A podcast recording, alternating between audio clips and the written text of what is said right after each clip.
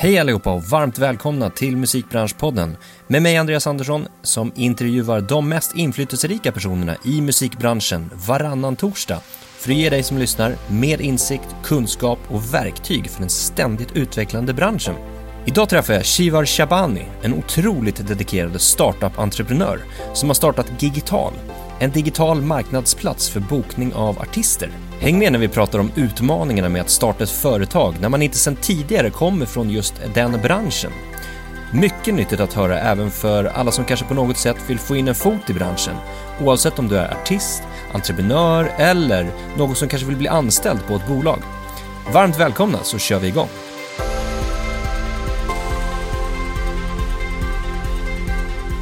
Shivar Shabani, Yeah, varmt välkommen till Musikbranschpodden. tack så jättemycket. Allt bra? Det är bra. Innan vi börjar någonting annat, ge oss din 30 sekunders pitch. Vilka är ni och vad gör ni? Ja, det här borde jag kunna, jag har gjort det här så otroligt många gånger men eh, Gigital är då en eh, digital marknadsplats för bokning av professionella artister till professionella events. Så att eh, det är en dynamisk marknadsplats där artister och arrangörer kommer i direktkontakt med varandra och där bokare egentligen hittar rätt akt till rätt event. Okej. Grymt. Ja men det, där höll du det bra inom 30 sekunder. Ja. För det är det som brukar vara det svåraste. Att man drar ut på det så otroligt länge. Exakt. Ja, Och bara så här maler på, kommer man aldrig till. Vad, vad var det vi gjorde egentligen för någonting då? Ehm, men eh, ska vi gräva lite i den pitchen? Vi kommer komma in lite grann på vem du är och var du kommer ifrån tidigare arbeten och sånt där. Och Gigital såklart Mm. och vad ni gör och så. Men, men eh, om vi ska gräva lite där, marknadsplats. Eh, Ja. Vad betyder det?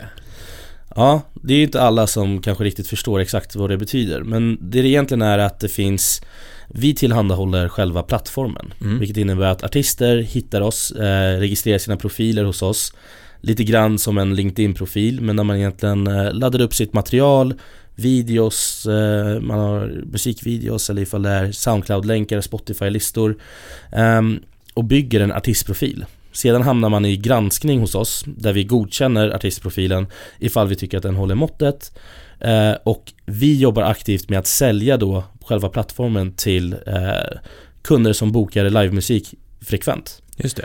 Så till exempel hotellkedjor, en eh, stor kundgrupp hos oss. Mm. De kanske bokar fem gånger i veckan. Då använder de vår plattform för att hitta eh, DJs och eh, musikunderhållningen varje gång de har event. Just det.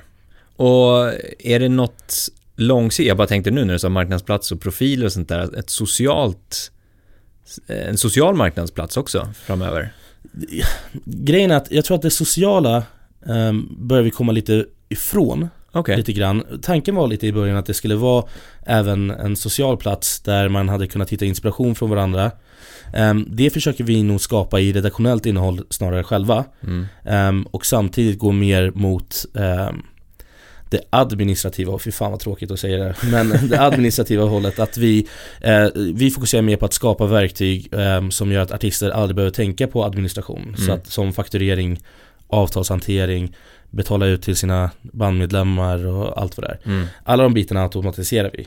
Så vi fokuserar mer åt det hållet snarare än att skapa en, någon form av eh, social plats där man kan eh, dela eh, erfarenheter med varandra. Mm. Det, var ett, eh, liksom, det var ett val vi var tvungna att ta. Mm.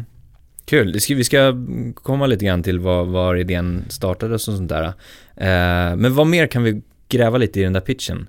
Eh, marknadsplats, bokare och bokare då, det är på andra sidan och inte artistbokare. Precis, så att vi brukar använda ordet bokare eh, nästan lite fel. Ehm, när vi snackar bokare då menar vi personer som i sin verksamhet ehm, behöver boka in artister. Mm. Ehm, så att det är inte artistbokare utan snarare ehm, en eh, projektledare på en eventbyrå till exempel som har ett event, eh, kunden har julfest, den behöver boka in artister. Eller ifall det är en eh, restaurang som vill ha ett återkommande koncept med jazz på lördagar. ehm, och så så att det, det är snarare från kundsidan då, Mm. Mm. de som behöver musikunderhållningen. Okej. Vilka artister jobbar ni med till exempel?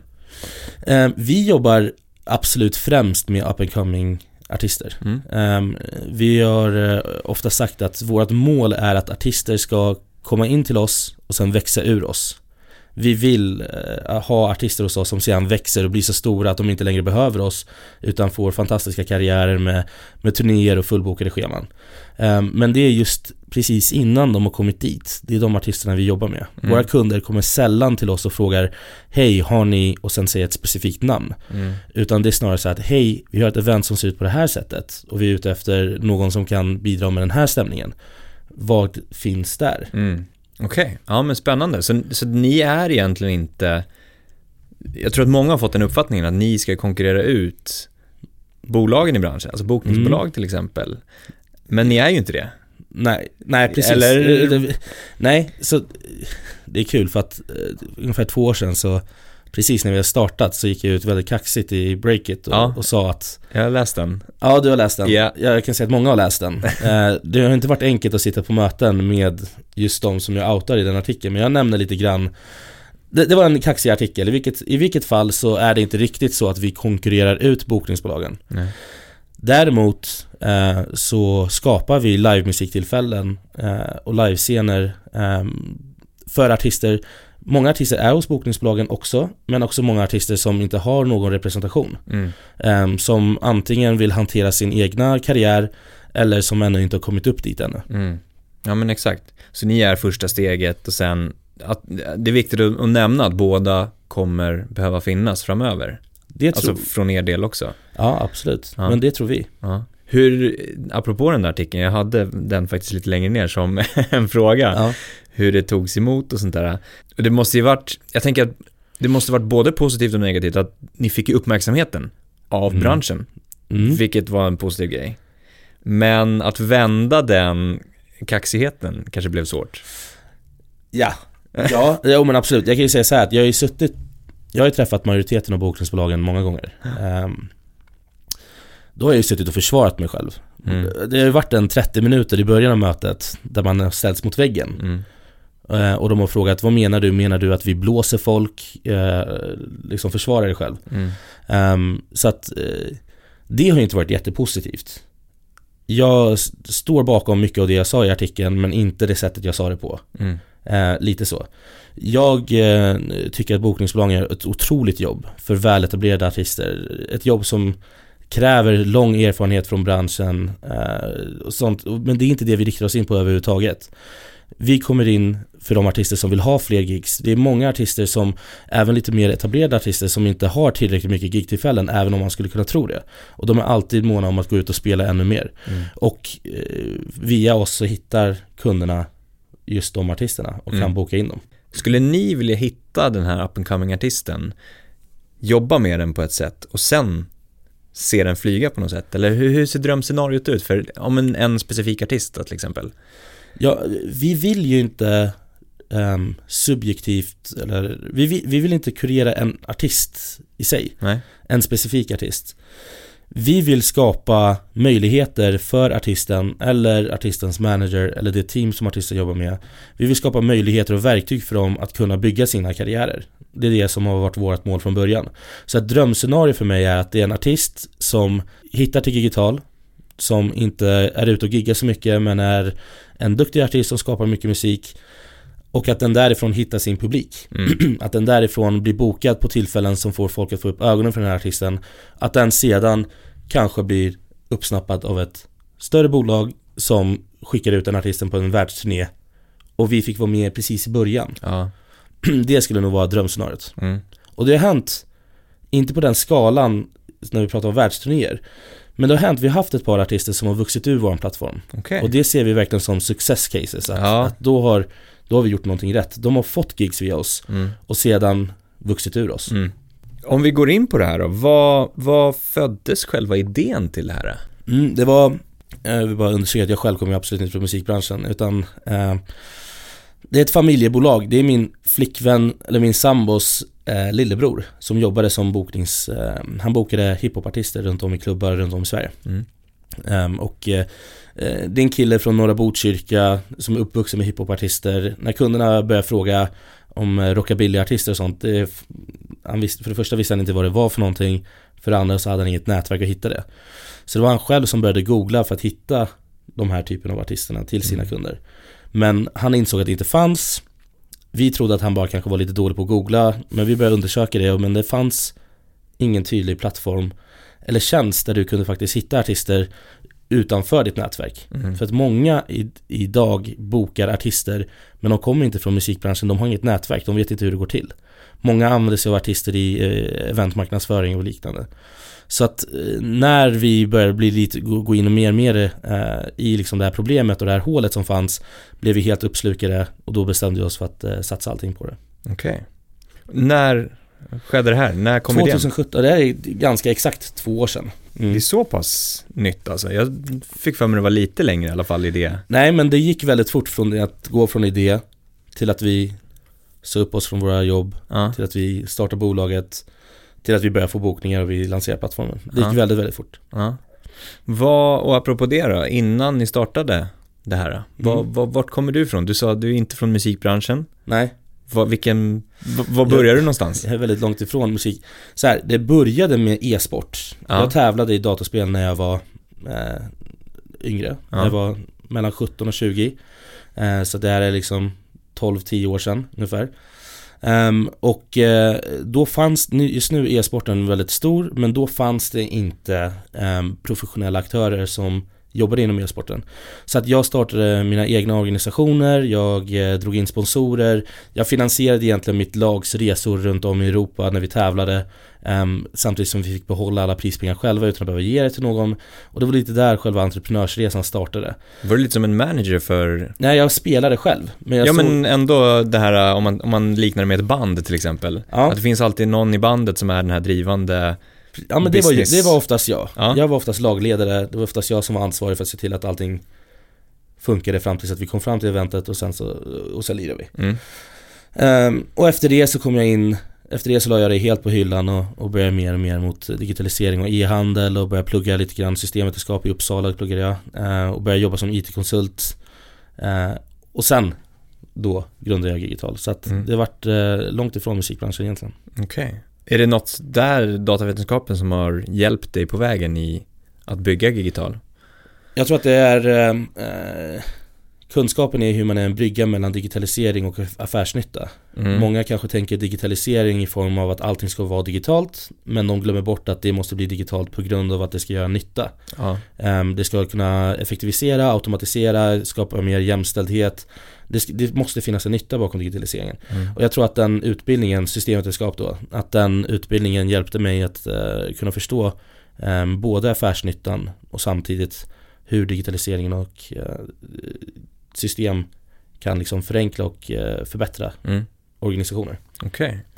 Och hade du tänkt tidigare kring entreprenörskap eller var det en bana på att ja, men jag ska jobba som anställd eller konsult i det här fallet då som du pratar om också? Nej men jag kommer från en entreprenörsfamilj, vi har eh, Min familj har inredningsbutiker här runt Östermalm och eh, är uppvuxen med en, i en entreprenörsfamilj Ehm, Och efter e-sporten där jag också fick, börja, fick smaka på det, eh, starta mina organisationer eh, och sen jobbar jag med lite med familjeföretagen Eh, Det har alltid funnits där. Tanken var snarare efter plugget att jag skulle börja jobba som IT-konsult för att eh, komma in i arbetet ännu mer. Mm. Ehm, Det måste finnas en balans av att man har ett hunger av att starta eget men man måste också ha lite kött på benen. Mm. Så att mitt mål var att göra hundåren, liksom att, att, att eh, kämpa, kriga, jobba nerifrån upp. Ehm, och sen, men sen hoppade jag över 20 steg däremellan efter, innan jag startade Gigital då.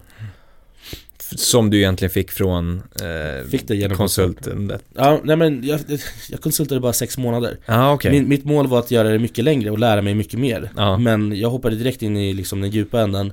Men när man väl vågar att starta någonting, man, man gör tio personers jobb eh, konstant. Mm. Och eh, eh, man lär sig så otroligt mycket genom att bara göra saker. Mm. Så att jag hoppade över många års arbetserfarenhet som jag var ute efter. Mm. Men jag har fått det tillbaka, eh, vet du det, många gånger om nu. Mm. Eh, under själva gitarresan.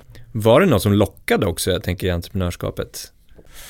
Jag tror att det som lockar många till entreprenörskapet, vilket det gjorde för mig också, är just att kunna bestämma själv Mm. lite grann.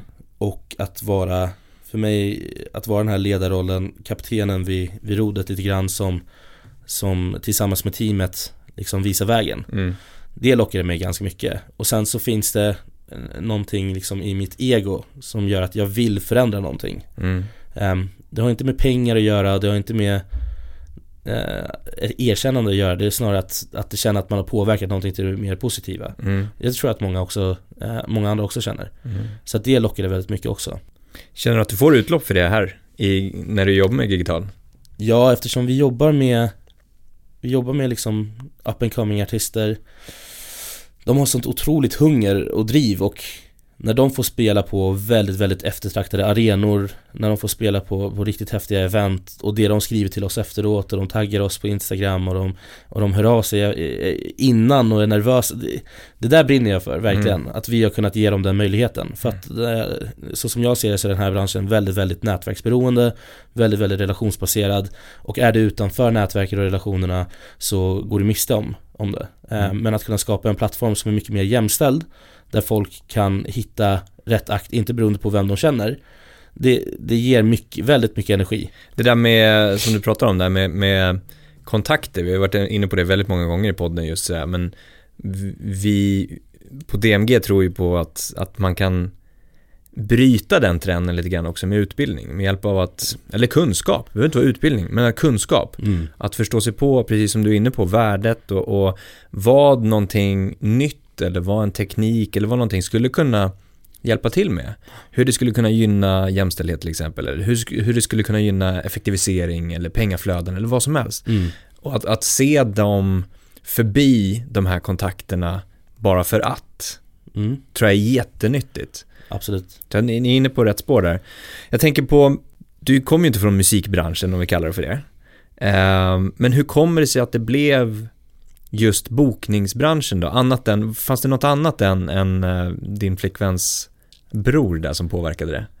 Um, Jag tycker det som verkligen övertalar mig att, att eh, hoppa på det här eh, och göra det här, det är nog på grund av så otroligt mycket problem som jag, jag såg från den här branschen. Det är många um, stora profiler från bokningsbranschen, eller från musikbranschen som jag har pratat med som tycker att det är otroligt bra att vi inte är från musikbranschen och kan se med en viss typ av naivitet Mm. på hur branschen faktiskt fungerar. Vi, vi kommer från eh, andra typer av branscher som kanske är mycket mer mogna och moderna och mer välutvecklade i många avseenden. Vilket gör att vi kan applicera mycket av de eh, principerna även här. Och när Nu har det gått två år men jag blir fortfarande förvånad över hur eh, den här branschen funkar i många fall. Ehm, och det ger mig bara mer energi att försöka hitta sätt att förbättra det. Mm. Men det, det hade kunnat vara en annan bransch också. Det, hade inte behövt, alltså det behövde inte vara musikbranschen eller livemusikbranschen eller bokningsbranschen eh, specifikt. Utan det hade kunnat vara någonting annat där man ser att det finns mycket problem, finns mycket förbättringsområden och det finns många människor som skulle faktiskt gynnas väldigt mycket av det. Ja, Eh, och och det, då skulle jag nog hoppa på det också. ja. Det är den här förändringsinstinkten på något sätt, att Mm. laga någonting. Precis, inte bara förändring laga, men, men- förbättring. Ja, exakt. Absolut. Men har det varit, eh, du nämnde att de bokningsbolagen har sett det som positivt att du har kommit utifrån, eller att ni har kommit från andra Nej, inte branscher. bokningsbolagen men vissa profiler. Vissa profiler Ja. i, i branschen, jag förstår. Men, men eh, för din egen del då, har, har det känts som att det har varit positivt? Eller har du stött på problem för din egen del i arbetet menar jag? Jag tror att många vill försöka få den här branschen att verka som rocket science men det är inte det. Är inte det. Um, och uh, det tar väldigt lite tid att sätta sig in i hur det fungerar. Jag tror inte ännu att jag har kommit underfund med exakt hur alla relationer ser ut och hur de här nätverken egentligen är byggda. Men det bryr jag mig inte så mycket om. Utan att förstå själva grunden i hur den här branschen fungerar, det är inte alls svårt. Ehm, och eh, därför så tycker jag bara att det är positivt att jag inte kommer från branschen. Mm. Däremot så saknar jag total kredibilitet från människor som har jobbat i den här branschen i 20-30 år. Mm. Ehm, men det är jag okej med. Jag började ju på väldigt på en dålig fot också med alla i och med den här artikeln då. Mm. Ehm, och eh, Det kan vara en längre väg att komma, som du pratade om, övertyga eller komma in eller få den här uh, Mm. credden. Att det blir en längre väg att gå. det är en längre väg att gå. Men det är, den vägen är inte så lång ändå. Nej. Och man behöver inte få kredibilitet från de högsta, man kan jobba sig nerifrån upp också. Mm. Jag tror att många kanske när de startar bolag tänker att de ska gå på de högsta hönsen på en gång. Ehm, vi ska få in ICA som kund direkt. Kanske bättre att få in eh, den lokala handlaren först Mm. och bygga ett case nerifrån upp. eh, bygga traction, bygga kunder eh, och kunna verifiera sin produkt ännu mer. Det är lite det, den tillvägagången, det, sättet vi har jobbat på hittills. Mm. Hade du någon uppfattning om eh, branschen innan eller blev det mer en chock när du började gräva i det så att säga? Det är fortfarande en chock Ja. ju mer jag gräver i den. Jag har ju turen att jag kommer från Stockholm, från, ja, här i Stockholm så är det många som jobbar inom med musik på ett eller annat sätt. Jag har många vänner som, har, som är artister, som turnerar och eh, många människor som jobbar med musiken. Så att jag hade ett litet hum, men jag visste absolut inte hur intransparent och eh, i många fall eh, orättvis den här branschen var Mhm. förrän jag grävde in i det. Mm. Det var en chock. Mm. Sen så, eh, när det kommer till nätverk, jag är liksom mån om att bygga mina, mitt egna nätverk av människor som jag tror kan hjälpa mig. Mm. Och det har lett till att jag har träffat väldigt mycket intressanta människor som är väldigt, väldigt högt uppsatta i eh, musiksverige så att säga. Ehm, som har också förklarat för mig lite grann hur det är och hur man ska tänka lite grann. Och sen så får man alltid ta det bästa man får alltid lyssna på folk men man behöver inte ta till sig exakt allt de säger. Man får liksom bygga sin egna väg på något sätt. Men, Mm. men eh, jag, det var ganska snabbt man började förstå hur det funkar. Men jag ska säga att det fortfarande är en chock över hur det funkar. Jag lär mig fortfarande någonting nytt varje dag som inte är bra. Ja. Hur lär du dig? Just om, om, om branschen i fråga? Men jag tror att det är mest eh, kunder som förklarar hur de har tidigare blivit bemötta eller hur de har Ja Det, det är nog kunder Mm. Ju större artister man jobbar med så pratar man mer och mer med dem Det är teamet bakom artisten, de förklarar lite grann hur det har varit hittills för dem Mm. Ehm, Det är nog mycket den feedbacken som vi får både från arti- artisters team och från kunder Mm. på hur de tidigare har eh, vad de har för tidigare erfarenheter från branschen. Det är Mm. nog mest så jag lär mig. Okej.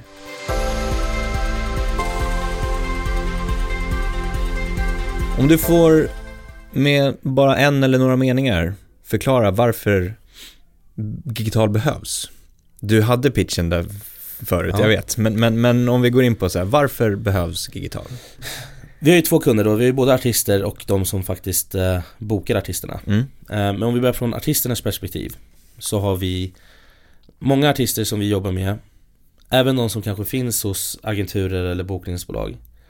Många av dem kanske inte är prioriterade eftersom att det finns många större projekt i den agenturen eller bokningsbolaget eh, som sker samtidigt. De är inte prioriterade, de får inte lika många gig som de hade velat ha eh, och de kanske bara vill spela mer Mm via oss, vi har ju, kunder kan ju även lägga upp gigs. De lägger upp tillfällen och säger att vi har den här budgeten, det är ett sånt här event, vi är ute efter någonting liknande och man kan pitcha in sig själv. Okej, så artisterna kan se dem? Precis, man kan okej. se eh, eventen som är i, i närområdet eller vart man nu vill åka. Ifall det är så att en artist är i eh, Göteborg och spelar över helgen kanske de vill hitta ett extra gig där under den helgen. Då kan Mm. de kolla in på sidan, se ifall de hittar någonting där.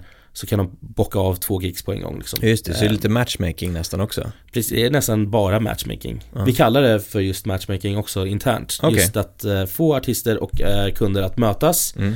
eh, och sen beroende på hur det går till, det är det vi utvecklar, det är det som är själva produkten. Mm. Ehm, så från eh, artistens perspektiv är det att, att kunna hitta gigs först och främst. Det är det största problemet som vi uppfattade att artister hade. De vill ha gigs, betalda gigs. De, Mm. vill, de vill kunna tjäna pengar på gigs. Ehm, eller kunna tjäna pengar på sin musikkarriär. Så det är det absolut viktigaste. Och sen så ehm, också mycket att det är Det har att göra med eh, kontroll lite grann. När du får förfrågningar det är upp till dig ifall du tackar ja eller nej. Vi äger inte din kalender, vi har ingen exklusivitet med någon artist överhuvudtaget. Utan får man en förfrågan, är det ett eh, gig man vill ta så gör man det. Man förhandlar direkt med kunden, det är inga mellanhänder däremellan. Eh, vill man inte ta det så säger, tackar man nej. Eh, och det är inget konstigt med det. Mm. Vill man ansöka till ett gig så gör man det, vill man inte ansöka så gör man inte det. Det, är liksom, det kostar ingenting att vara uppe, det kostar bara först när man blir bokad så tar vi en avgift. Så att det är liksom, eh, det finns det ingen skada skedd ifall man bara vill se vad, vad man kan få för gigs. Mm. Ehm, så det är från artistens perspektiv. Eh, från kundens perspektiv är det att, jag kan ju till exempel prata om Clarion Sign, eh, är en stor kund till oss. De hade som mål att de ville boka 100 stycken up and coming akter, DJ-akter och jazzakter under 2019. Mm. Um, och Istället för att behöva anställa en nöjesansvarig så använder de eh, sig av Gigital. Mm. Eh, och det slutar med att de nu bokar 222 gånger under det här året. Så mer än dubbla det. Bara på grund av hur enkelt och smidigt det har varit. Mm. Så fort de kommer på ett koncept där de vill köra att nu vill vi köra, öppna upp här eller nu vill vi göra det på det här sättet. Så tar det några minuter för dem att sätta upp det liksom. Mm. Och sen så har de förfrågningar från artister och sen bokar de bara in dem. Okay. Um, och det möjliggör också för många aktörer att skapa livescener. Speciellt nu när många livescener tyvärr går under så finns det många aktörer som ser eh, möjligheterna nu mm. att kunna öppna upp livescener utan att egentligen ha den här, det här kontaktnätet eller den här kunskapen kring hur man gör utan vi hjälper dem genom hela vägen och de kan öppna livescener och ha artister som uppträder. Och sen så är det ju också just att eventmarknadsföring växer otroligt mycket, fler och fler eh, digitala bolag, e-handelbolag eh, ser möjligheten att i en fysisk miljö kunna träffa sina kunder och sina fans. Mm. Och då är musik en väldigt stor del utav det. Och då är det återigen kanske en projektledare jobbar med PR på ett bolag som inte vet hur det går till att boka en artist. Det är mm. otroligt enkelt för en att då kunna hitta eh, rätt artist via oss. Mm. Och det, man, man utgår ifrån budgeten, det är inget liksom hur mycket kostar det och sen är det sex mail fram och tillbaka innan man får ett pris utan det är en budget, du hittar de som funkar, det löser sig. Mm. Och ni tar en procentandel av gaget sen då Precis. som blir överenskommet? Precis. Så ja. det är alltid gratis att använda tjänsten först tills det blir bokning. Och det är väldigt tydligt hur mycket vi tar i avgift och hur mycket som går till artist och hur mycket kunder. Allting är bara väldigt, väldigt transparent. Mm. Vad för slags eh, reaktioner har ni fått av de artisterna som använt, er, använt sig av er? Um, väldigt positivt. Väldigt, väldigt positivt. I och med att det inte kostar någonting. Jag tror att hade vi haft en modell där vi tar betalt varje månad så lever de lite på ett löfte om att vi ska fixa gigs till dem och vi gör inte det. Det, det är liksom Hittills har det bara varit positivt och det mm. som har varit extra roligt är att det är mycket för det första har vi haft till exempel 60% av alla gigs har gått till eh, kvinnliga artister, vilket vi tycker är jättekul. Ehm, det har varit artister som kunderna aldrig hört tidigare men de går in och liksom bara får inspiration och, och hittar dem och sen bokar dem till ett event. Det, artisterna har varit väldigt, väldigt nöjda uh, hittills. Mm. Kul. De, får, de får gigs och de får betalt för gigsen. Mm. Det är det som de bryr sig mest om. Är det alla möjliga olika genrer också eller har ni någon specifik där ni ser att ah, men här är det flest registrerade artister eller efterfrågningar på sortens artister? Um, ja, det finns ju vissa genrer som går lite varmare än andra. Mm. Jag ska säga vid julsäsongen så är det mycket coverartister. Mm. Um, det är ett safeguard bland företagen. Eh, man vill ha musikunderhållning men man vågar inte riktigt eh, prova någonting nytt och man känner att ah, men det här bandet kommer köra gamla goda klassikerna, vi har så bred målgrupp ändå på företaget så det här funkar bäst. Så att då är det nog mest coverartister under julen. Um, men eh, vi trodde i början att det skulle vara absolut mest DJs mm. som blir bokade för det är så otroligt enkelt att boka DJs. Men även om det är mycket DJs som bokas så är det numera också otroligt mycket just up and coming artister ska säga mest pop, R&B, soul och den typen av artister som blir bokade väldigt mycket. Mycket hiphop också. Um, kanske inte jätte... Det är oftast inte de extre, alltså extremen som blir bokade. Inte, inte jättehård hiphop, inte jättehård rock. Um, folk försöker ändå vara ganska safe i mm. vad de bokar. Mm. Um, är det så att man kör någonting väldigt, väldigt nischat så är man fortfarande jättevälkommen att registrera sig. Eh, och har man en bra profil så blir man även godkänd. Men vi, vi säljer aldrig in en specifik artist. Nej. Det har helt och hållet att göra med hur din profil ser ut och vad kunden uppfattar när den kollar på din profil. Och det är helt och hållet upp till kunden till slut. Mm. Säg att jag, eh, om jag inte är partner med då, måste man vara partner för att boka en artist? Absolut inte. Om jag, jag vill anordna en fest mm. för en kompis som fyller 40 till exempel. Kan jag då gå in och, och leta artister hos er? Vi, vi säljer ju inte aktivt mot konsumentmarknaden överhuvudtaget utan vi jobbar ju aktivt med att sälja till stora konton som mm. genererar många typer av spelningar. Men däremot så äh, bröllop har blivit bokade via vår plattform. Ähm, privatfester. Det, för dem är det oftast lite svårare eftersom att det de har inte riktigt den vanan av att de förstår att tekniken måste bokas och sådär Men vi hjälper ju jättegärna till Vem som helst kan använda sig av tjänsten och det är väldigt, väldigt enkelt att göra det Man mm. behöver inte komma i kontakt med oss innan man gör det utan det är bara att gå in på digital.com och sen bara do it mm. liksom mm. Um, Men uh, de, det är ytterst få tillfällen då faktiskt privatpersoner använder sig av vår tjänst Utan då går man nog snarare så att, ja men min kompis känner en snubbe som spelar i band Det är mm. oftast lite så mycket mer svarta pengar i den branschen. Vi jobbar ju absolut inte på det sättet. Um, så att det går att göra det, men det sker inte så ofta.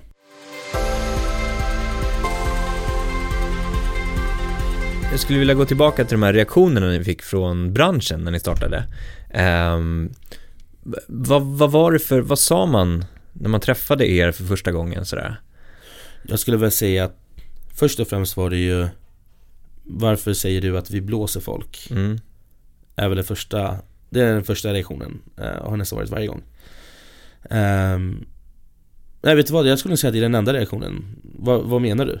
Vad menar du med att vi blåser folk? Mm. Uh, vi är, en artist kostar alltid så mycket som den kostar um, Vi är alltid tydliga med priserna vi, vi är alltid tydliga med hur mycket vi tar i avgift Det, det har varit en det har varit den diskussionen varje gång. Mm. Um, och så får jag, har jag fått sitta och försvara mig själv. Mm. Så det har varit mycket taggarna utåt sådär? Um, ja, ja, det, ja, fast inte på ett riktigt så här, väldigt oskönt sätt. Uh, inte, absolut inte så, utan snarare så här, vad menar du? Vad är det du vill komma fram till? Um, lite så. Mm. Det har inte varit jätteaggressivt på det sättet.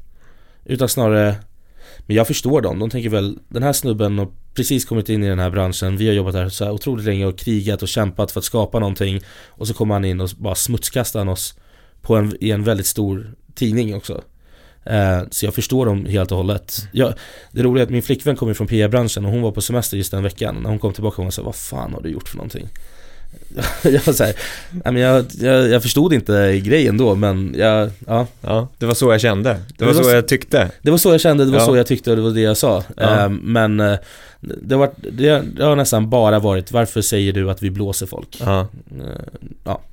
För det känns ju som att uh, musikbranschen är ju väldigt, jag håller faktiskt med om att den sackar efter om man jämför med vissa andra branscher mm. inom vissa områden. Sen är den helt fantastisk inom andra områden och innovativ så det bara smäller om det. Um, men jag tror att man efter liksom hela Napster-eran 99-2000, uh, att man ändå på något sätt välkomnar kanske och tar en diskussion. Alltså som i det här fallet med att ja, men ni, ni är en helt ny affärsmodell. Det dyker upp affärsmodeller som är helt innovativa och nya hela tiden. Och jag tycker att man ser bara de senaste fem åren om man jämför med de liksom, åren innan, att det dyker upp ännu fler initiativ och det är väldigt mycket som händer just i musikbranschen. Och då gäller det ju för den, om vi kallar den för traditionella inom citationstecken, att vara uppmärksam, att vara tillmötesgående för att i alla fall lyssna och se vad är det här för någonting? Kan vi hjälpa till? Kan vi vara en partner? Kan vi på något sätt göra något liknande? Eller vad det mm. nu skulle kunna vara. Jag tror det är jätteviktigt oavsett vilken bransch man är i såklart, men specifikt i musikbranschen. Mm. Jag håller absolut med dig. Om vi kollar då, däremot till exempel Amuse är ju ett eh, bolag som vi tycker väldigt, väldigt mycket om. Vi tycker att de gör väldigt mycket rätt. Eh, och de har alla bakgrund från musikbranschen. Om vi kollar på många av de här initiativen så är det från människor som Ja men det är han som har startat där. Ja men vad fan, han, kan, han vet vad han gör. Om man kollar på oss däremot mm.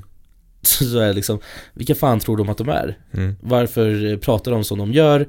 Liksom det finns verkligen ingen kredibilitet i det.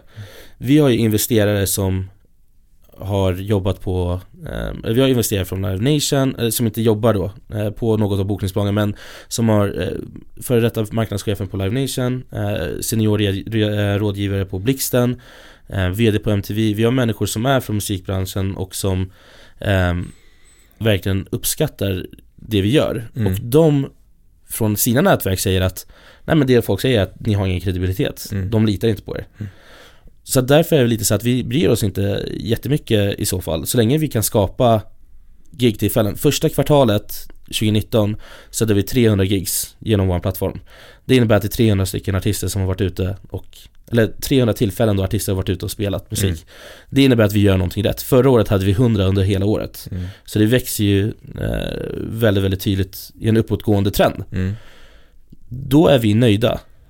Så att det är lite så vi ser på det. Sen så ska jag också tillägga att många av bokningsbolagen har varit eh, öppna för att träffa oss. Mm. De har förstått möjligheterna i vad det innebär. Eh, så att det, det, är inte alla som är som blundar för det här. Nej. Men det finns de som gör. Mm. Vad, vad, skulle dina tips vara till någon som oavsett bransch kommer med en ny innovativ idé um, och vill, alltså ser ett problem, ser någonting, ser en lucka, ser någonting som behöver lösas och man har en lösning, man ser det här vill jag göra. Vad skulle tipsen vara till en sån person eller team eller företag som inte har den erfarenheten från specifikt den branschen? Det, alltså, det är verkligen inte, det beror på vilken bransch det är men i det här mm. fallet så var det verkligen inte svårt att sätta sig in i hur det funkar. Mitt tips är dock att prata med kunderna. Är det någonting som kunderna behöver och är det någonting kunderna vill att betala för? För i slutändan kommer du aldrig kunna driva igenom någonting ifall det är ingen som betalar för det. Då blir det bara en, en god idé som kanske gör nytta mm. men om det inte finns finansiärer så kommer den tyvärr dö ut. Det, det kan inte vara ett hobbyprojekt hur länge som helst. Så prata med kunderna mm. och smutskasta inte branschen innan du har gått in i den som jag gjorde. Det är nog mitt tips. Det är bästa tipset. Ja, jag ska säga det. det är lång väg att gå annars. Ja. Men vad har varit det roligaste med att starta den här resan då? Um, men det roligaste har varit resultatet, mm. såklart. Det ger en, uh, en kick konstant, hela tiden. Um, att vi gör riktigt bra saker, att det är Resultatet skulle jag då säga är gigs. Det är väl det som vi räknar som det absolut främsta resultatet. Mm. Um, det har varit väldigt kul. Sen har det varit otroligt uh, roligt att bygga ett team och jobba i ett team. Vi, nu i dagsläget är vi åtta personer. Uh, vi håller fortfarande på och rekryterar. Um, och det är sån sammansvetsning i teamet. Alla jobbar mot samma vision och mål. Mm. Och det är otroligt givande att gå in på kontoret varje dag. Det känns nästan som att man är det här underdog fotbollslaget som ingen trodde på och sen så nu är man mot, i slutspelet och håller på och liksom eh, Man har den här lagandan hela tiden inne på kontoret. Mm. Så det är också otroligt roligt. Och utmaningsmässigt där då? Jag tänker att bygga ett bolag, bygga team, rent operativt att faktiskt arbeta med någonting. Vilka har utmaningarna varit där? Ja, det är jättemånga utmaningar. Jag har behövt eh, sparka vänner Um, jag behövt, som har varit anställda? Som har varit anställda. Uh -huh. um, någonting jag aldrig skulle rekommendera Eller någonting jag, det är nog det värsta jag har gjort. Mm. Um, otroligt jobbigt. Men det var för bolagets bästa. Um, men utmaningar i att bygga en företagskultur som är inkluderande um, och innovativ. Mm. Samtidigt som du bara vill fokusera på att kriga och jobba. Det är ganska utmanande. För att du vill du vill på något sätt ha tunnelseende och bara vara superfokuserad och bara kämpa och jobba. Men samtidigt så måste du också hela tiden dra med alla. Eh, och det kan komma naturligt för många och för många är det inte naturligt. Men människor med olika bakgrunder och sånt får alla känna att man kämpar mot samma mål. Det är, det är, det är utmanande, speciellt när man är i en startup när man gör tio personers jobb mm. och bara krigar och kämpar hela tiden. Ehm, det skulle jag säga är en, eh, en stor utmaning. Men det är otroligt kul och man lär sig väldigt mycket på vägen. Mm. Eh, och, och, när man bygger bolag då, eller startar ett företag så finns det ju massa olika vägar att gå. Eh, jag tänker rent finansiellt så kan man ju dels putta in pengar själv och man kan växa organiskt och, och bygga liksom de här stenarna eller blocken eh, one by one så att säga. Eller så kan man ju ta in externt kapital och, och växla upp på så sätt. Hur, hur har ni tänkt där sedan ni började? Vi gjorde på, var, på alla sätt. Mm. Det vi ville först i början var att vi ville lägga in våra egna pengar. Mm. Dels för um, engagemanget, att vi skulle känna oss ännu mer investerade i det. Jag och min flickvän tog ett privatlån för att finansiera det här i början. Vi sa upp vår lägenhet uh, för att dra ner på kostnaderna. Vi flyttade hem till min pappa. För att, kan du tänka dig att bo med din flickvän när ni båda är snart 30 och bor hemma hos din pappa, det är liksom, det är väldigt unikt. Hur länge gjorde ni det? Vi skulle göra det i sex månader, vi har gjort det nu i två år. Okej. Yes, så att eh, vi fokuserar mer på tillväxten och på att anställa än att faktiskt ta ut en, Mm. en, eh, en lön nog för att kunna eh, flytta ut. Mm. Eh, det är väldigt eh, kul. alltså det, jag vet inte vad jag ska säga. Det är kul på ett sätt, Det men, kul, men det är utmanande. Men exakt, det måste vara utmanande i längden att, vi har en pappa som är ett motiverad. stort fan. Vi har en pappa som hejar på oss hela tiden och vi har han bor stort och min flickvän och han kommer jättebra överens och vi får bara all möjlighet och alla verktyg att fokusera på att bara göra vårt. Mm. Och det är otroligt viktigt och givande. Eh, sen kanske folk garvar åt oss, det bryr vi oss absolut inte åt. Eh, om överhuvudtaget. Eh, men vi börjar med det privata lånet. Efter det så blev vi faktiskt antagna till ett acceleratorprogram som heter Sting Accelerate. Eh, och det blev vi två veckor efter vi registrerade bolaget. Och vanligtvis så behöver det ha funnits i något år. Du behöver ha en färdig produkt, du behöver ha kunder, du behöver etc. etc.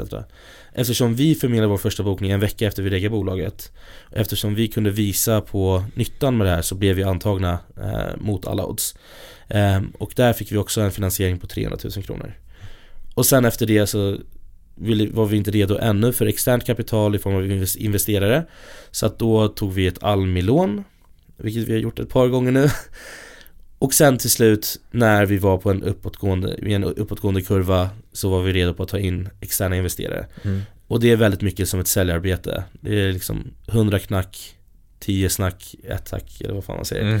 Ehm, har man inte det här, ja, det gäller bara att Faktiskt ett, ett bra råd när det kommer till det, jag tror Och det här är så jävla sjukt att säga men jag tror det var Pitbull som har sagt det i en låt Och jag, jag tror aldrig jag skulle ta råd från Pitbull Men Han säger någonting i stil med Ask for money, get advice Ask for advice, get money twice Mm. och det var verkligen det som, när vi var och träffade investerare och eh, i mån av att pitcha in oss för att vi vill ta in kapital Så fick vi oftast råd i hur vi ska gå vidare och eh, att liksom vi följer er gärna men vi väntar lite grann Ehm, Men de investerare som vi kontaktade och bad om råd Mm. Det var oftast, det var de som puttade in pengar till slut För de såg att vi tog till oss råden, att vi, att vi liksom krigade, de följde oss och sen så var de redo att lägga in pengar Mm. Ehm, Så det var väldigt kul Så att ett tips från mig och Pitbull där Härligt. Mm. Och det är ju precis som du säger att, att inte förvänta sig att man kanske direkt ska få pengarna utan att de, är du, försök sätta in det i investerarens sits. Att man vill, jag hade ju velat följa ett bolag och se, du berättar om det här, att ni ska befinna er här om ett halvår. Jag följer gärna ett halvår. Mm. Stämmer det? Då vet jag att ni jobbar för det, då vet jag att ni, ni är på rätt väg, att det fungerar. Precis, Då är jag jättegärärna villig att lägga in pengar. absolut Att försöka se det från deras håll också. Speciellt ifall man är en första gångs entreprenör som inte Exakt. har ett tidigare track record. Ifall det är, ifall Elon Musk skulle säga till mig Du, eh, jag har den här idén, alltså, då, då hade jag ju bara gett honom allt jag äger. Jag, Låt mig följa dig i sex månader. eh, exakt. Men, eh, men, men som första gångs entreprenör Mm. så är det lite upp till bevis. Det är många som alltid känner att jag har en idé som är guld, men det handlar oftast inte om idén, det handlar om exekveringen. Mm. Och om du inte lyckas exekvera så har du ingenting. Jag har träffat så otroligt många människor som säger Jag tänkte ut Spotify innan Spotify fanns. Precis. Det spelar ingen roll. Nej. För att du, hade du lyckats knyta ihop det, det det är otroligt att de lyckades knyta ihop det. Mm, mm. Ehm, så att det är eh, Det är lite så jag ser på det, så exekveringen är väldigt viktig. Sen ska man verkligen inte, det är många också i den här eh, kulturen vi har, speciellt i Stockholm just nu. Många känner sig så otroligt privilegierade Uttalar jag rätt? Ja, Du vet vad jag menar? absolut. De känner sig i alla fall eh, nästan som att de har en rättighet till att få finansiering bara för att de kommer med en pdf, Mm. med en idé. Mm. De har glömt bort själva grindet. Vi har, så, vi har så tur i Sverige att vi har, vi har så otroligt bra ställt till. Men du måste grinda och du måste bevisa någonting. Varför skulle någon annan vilja stoppa in pengar i ditt bolag i så fall? Mm. Och speciellt om du själv inte har gjort det, ifall det bara är en idé. Och sen så kan du kasta det om två veckor och det är ändå inte dina pengar som du kastar. Exakt. Du vet att jag kom ju på idén om eh, färgglada hörlurar innan Happy Plugs. Ja, det är så? Ja. ja. Nej, jag skojar. Jag, jag tänkte på det, men, men jag har liksom aldrig grämt mig för att det var jag som gjorde det egentligen. Men, Ja, jag, jag har faktiskt hört väldigt många som har, som har skrivit till mig och sagt att du eh, eh, Jag hade den här idén innan ni hade det ja, men varför gjorde du det inte då? Nej precis, och om du hade gjort det hade du kanske lyckats eller så hade du inte lyckats Men man vet Exakt, aldrig nej. Bara, vad vill du ha sagt? Det är jätteviktigt att säga, precis poängtera det du säger, att det är inte idén som är, alltså det låter uttjatat men det är inte så. Nej. Det är inte idén. Um, men hur såg det ut? Hur, hur fick ni kontakt med de här personerna som ni tog möte med? De här liksom, mm. som du sa, hundra stycken, du kontaktade dem, men vilka var det? Ja, det där är faktiskt någonting som inte kommer jättenaturligt för alla men man var jag var tvungen att bara börja nu försöker jag använda rätt ord jag vill inte slicka, jag vill inte säga slicka Men man är tvungen att verkligen massera rätt personer. Och det kan vara väldigt, väldigt jobbigt för många men Det jag egentligen gjorde var så här att jag såg människor som jag uppfattade som ledande inom sina områden, någon jag ville lära mig av. Jag nästan cold-callade dem. Jag ringde inte dem, men jag, jag liksom mejlade dem eller tog kontakt med dem på något sätt och sa att Hej, jag är eh, väldigt inspirerad av det du gör och jag drar de här liknelserna med det jag gör, bla bla bla bla bla Skulle jag kunna få bjuda dig på en lunch? Eller skulle jag kunna få bjuda dig på en kaffe? Skulle vi kunna ses? Till slut så träffar man någon som faktiskt går med på det Och sen så, det jag gjorde var att efteråt när jag träffade med den personen och började bygga en relation med honom Eller henne Så frågade jag Vem tycker du jag borde träffa? Och, och på den vägen har det varit. Så att jag har träffat Jag har kommit otroligt högt upp bara på grund av att jag nästan kört pingis emellan, liksom pinball emellan och bara liksom eh, bett om råd, eh, bett om nya kontakter och bara klättrat upp på det sättet. Mm. Och det har varit väldigt, väldigt mycket viktigt för att inte bara vara insnöad i sin egen bubbla på vad det är jag gör utan få perspektiv från alla håll. Mm. Eh, på liksom hur alla ser på branschen lite grann. Mm. Jag tänker du ha investerare också. Eh, pressen att bli lönsam. Är det någonting som liksom gnager en, eller mm. gnager dig? Det finns ju vissa verksamheter tycker jag borde bli lönsamma snabbare än andra. Snapchat tyckte inte jag borde bli lönsamt i början. Jag tyckte de bara skulle fokusera på tillväxt. Jag hade jättemycket fel för att nu kan de inte bli lönsamma, nu går allt åt helvete. Men för oss är det lite så att det är liksom balansgången mellan att växa, att återinvestera allt kapital i tillväxt hela tiden och att ta in nytt kapital för att växa eh, Samtidigt som du vill inte hamna i en situation där du bara är beroende av externt kapital Vi känner just nu att vi har eh, det ganska bra ställt till så att vi kan satsa på mycket tillväxt just nu Men skulle vi känna att vi vill snarare börja bygga på lönsamhet så skulle vi börja med det. Vårt fokus har alltid varit sälj och alltid att, att, bara sälja hela tiden. Så det är ju väldigt, väldigt mycket. Vi har varit Vissa är för produktorienterade och glömmer bort säljet. Och till slut har de en produkt som är skitfett men det är ingen som köper den. Mm. Så att eh, finns viss press av lönsamhet Lite mer från vissa investerare än de andra mm. och de vet själva vilka de är. Men vet du det, eh, egentligen är det så att så länge du har en tydlig plan att du är på väg så går det oftast de som eh, pushar för lönsamhet ser oftast ifall du har en tydlig plan att okej okay, vet du vad, jag håller med. Ni kanske behöver ta in så här mycket till, fortsätta gå i förlust på grund av att liksom tillväxten kommer att vara så mycket starkare. Mm. Om du får beskriva framtidsvisionen då för Gigital, vart befinner ni er om tio år? Om tio år så är vi världsledande. Vi, om tio år så har Gigital byggt den digitala infrastrukturen för livemusikbranschen. Det var mindre än eh, fem sekunder. Ja. Bra beskriven vision också. Det var den visionen vi hade från början. Det ja. är vi, vi ser att det är mycket i infrastrukturen som saknas för att folk ska kunna jobba professionellt i den här branschen. Det är väldigt mycket analoga processer, tar väldigt lång tid, mycket information går förlorad eh, och det är mycket orättvisa och mycket det är brist på jämställdhet även om man jobbar för det hela tiden. Mm. Så att vi, eh, vi tror att vi, det är vår vision.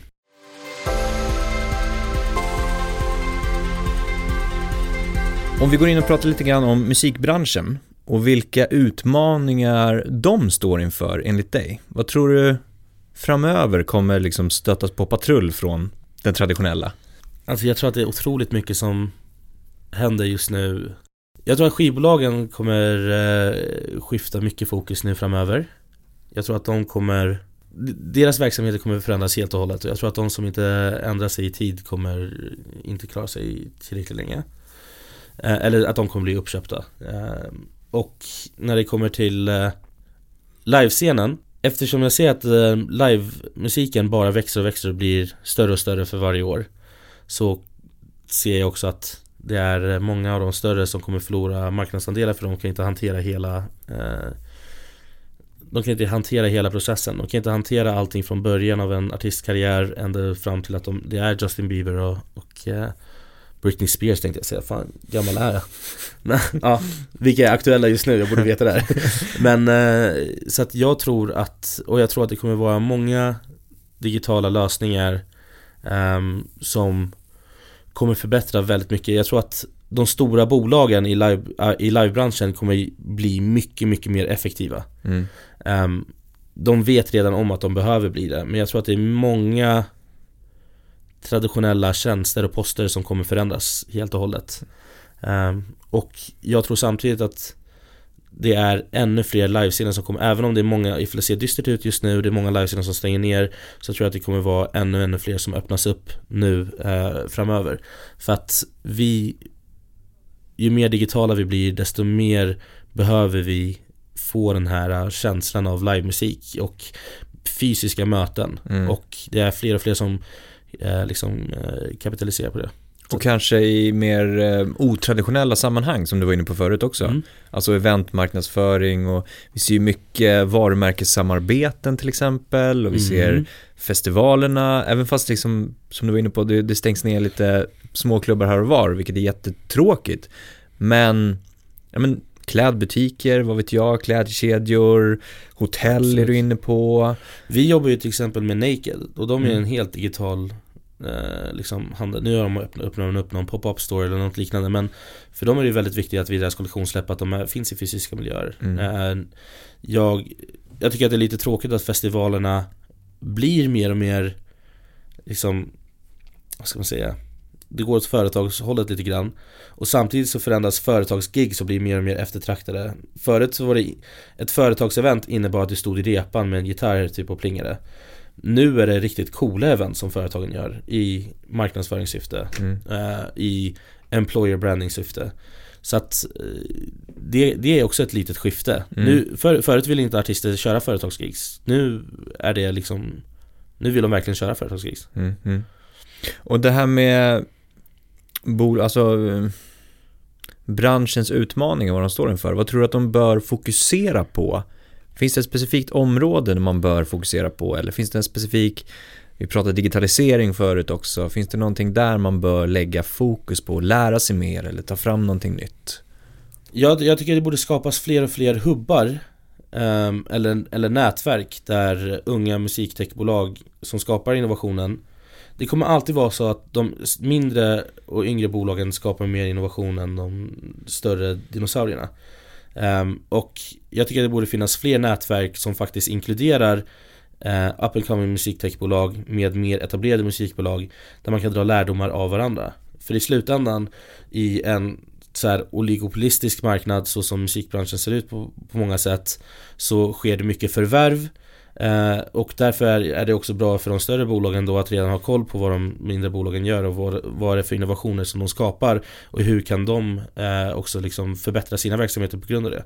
Det tycker jag saknas just nu. Jag tror att de Ja, jag vet inte ens om det finns, det har aldrig varit någon som har eh, hört av sig till oss och eh, velat utbyta idéer eh, I många fall när vi hör av oss till folk så svarar inte folk, så nu gör vi inte ens det längre Så att eh, Bortsett från oss, men för de nya bolagen som startas mm. Så tycker jag det borde finnas mer plattformar Där man kan samarbeta mm.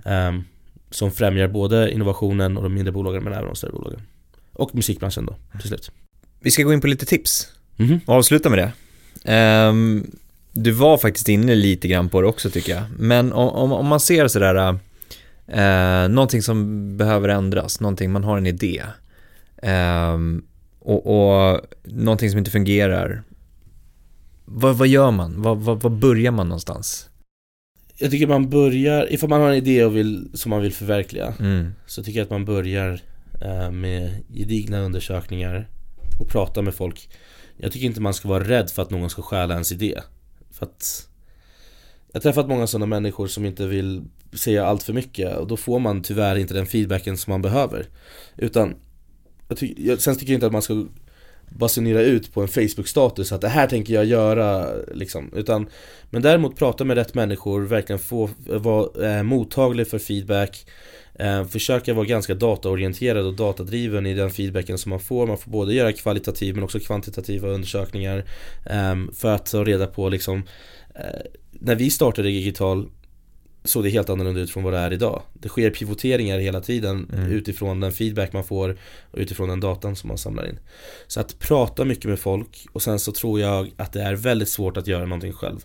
Jag tycker att man borde bygga upp ett bra team av människor som gör det tillsammans um, Och uh, jag tycker att det är ett team som borde vara, alla borde bygga på samma typ av incitament Att man måste känna att man har ägandeskap över den, den här idén som man bygger tillsammans. Uh, Och då tror jag att man är på god väg. Och sen så tycker jag att man bara ska göra det. Mm. Jag säger inte att man ska bara starta ett bolag direkt och bara börja liksom bygga en produkt. Men har man gjort sin undersökning Känner man att det finns en betalningsvilja, känner man att man har hittat rätt Så tycker jag att man bara ska börja. Sen ska man inte vara rädd för att den kommer ändras på vägen.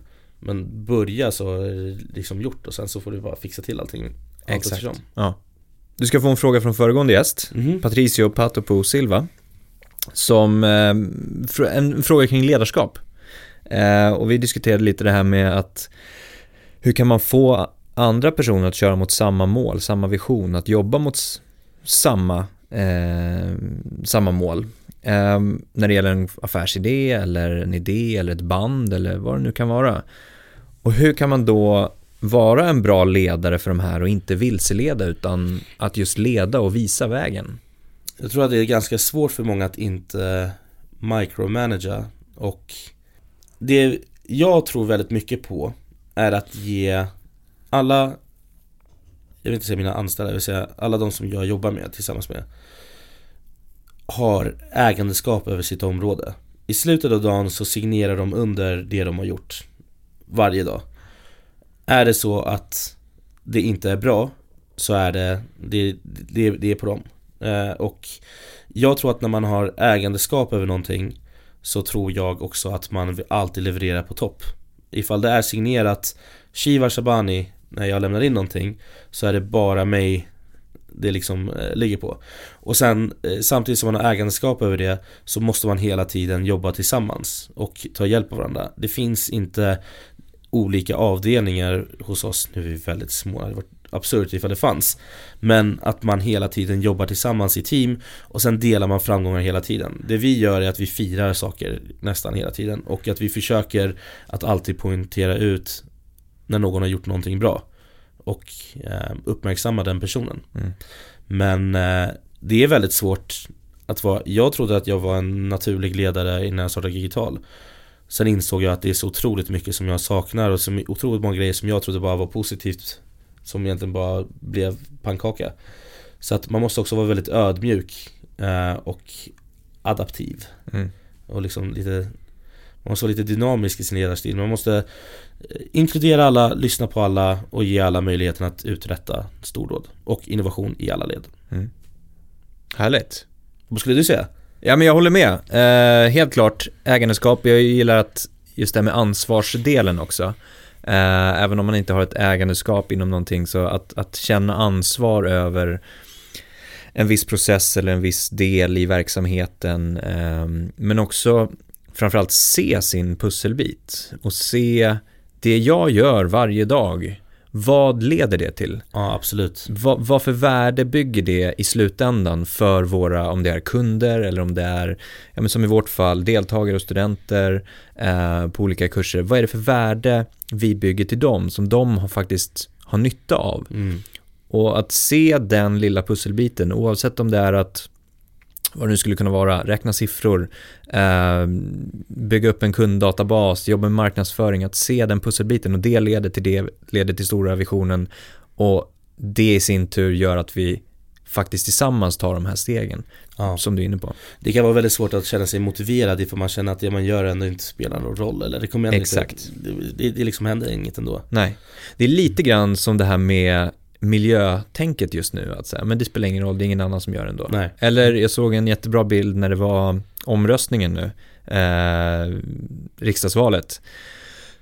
Just att, nej men det gör ingenting om jag inte röstar för ingen annan, eller alla andra mm. röstar. Ja. Så det blir tvärtom istället där då. Men, ähm, men om man direkt ser sin påverkan så Exakt Det är mer motiverande eller det, det är, man blir mer man blir bara mer motiverad till att faktiskt göra det. Mm.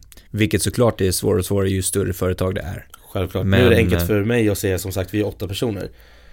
Så, ja. Men jag tror att det är, det är någonting jag kommer fortsätta försöka i alla fall.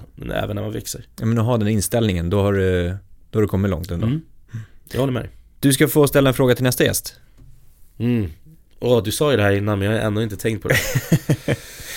Ehm, jag tycker du ställer så bra frågor så man får svar på väldigt mycket. Men uh, ifall du skulle få, ifall du skulle få starta band med någon, vem i hela världen? Vem hade du helst velat vara i ett band med? Coolt. Mm?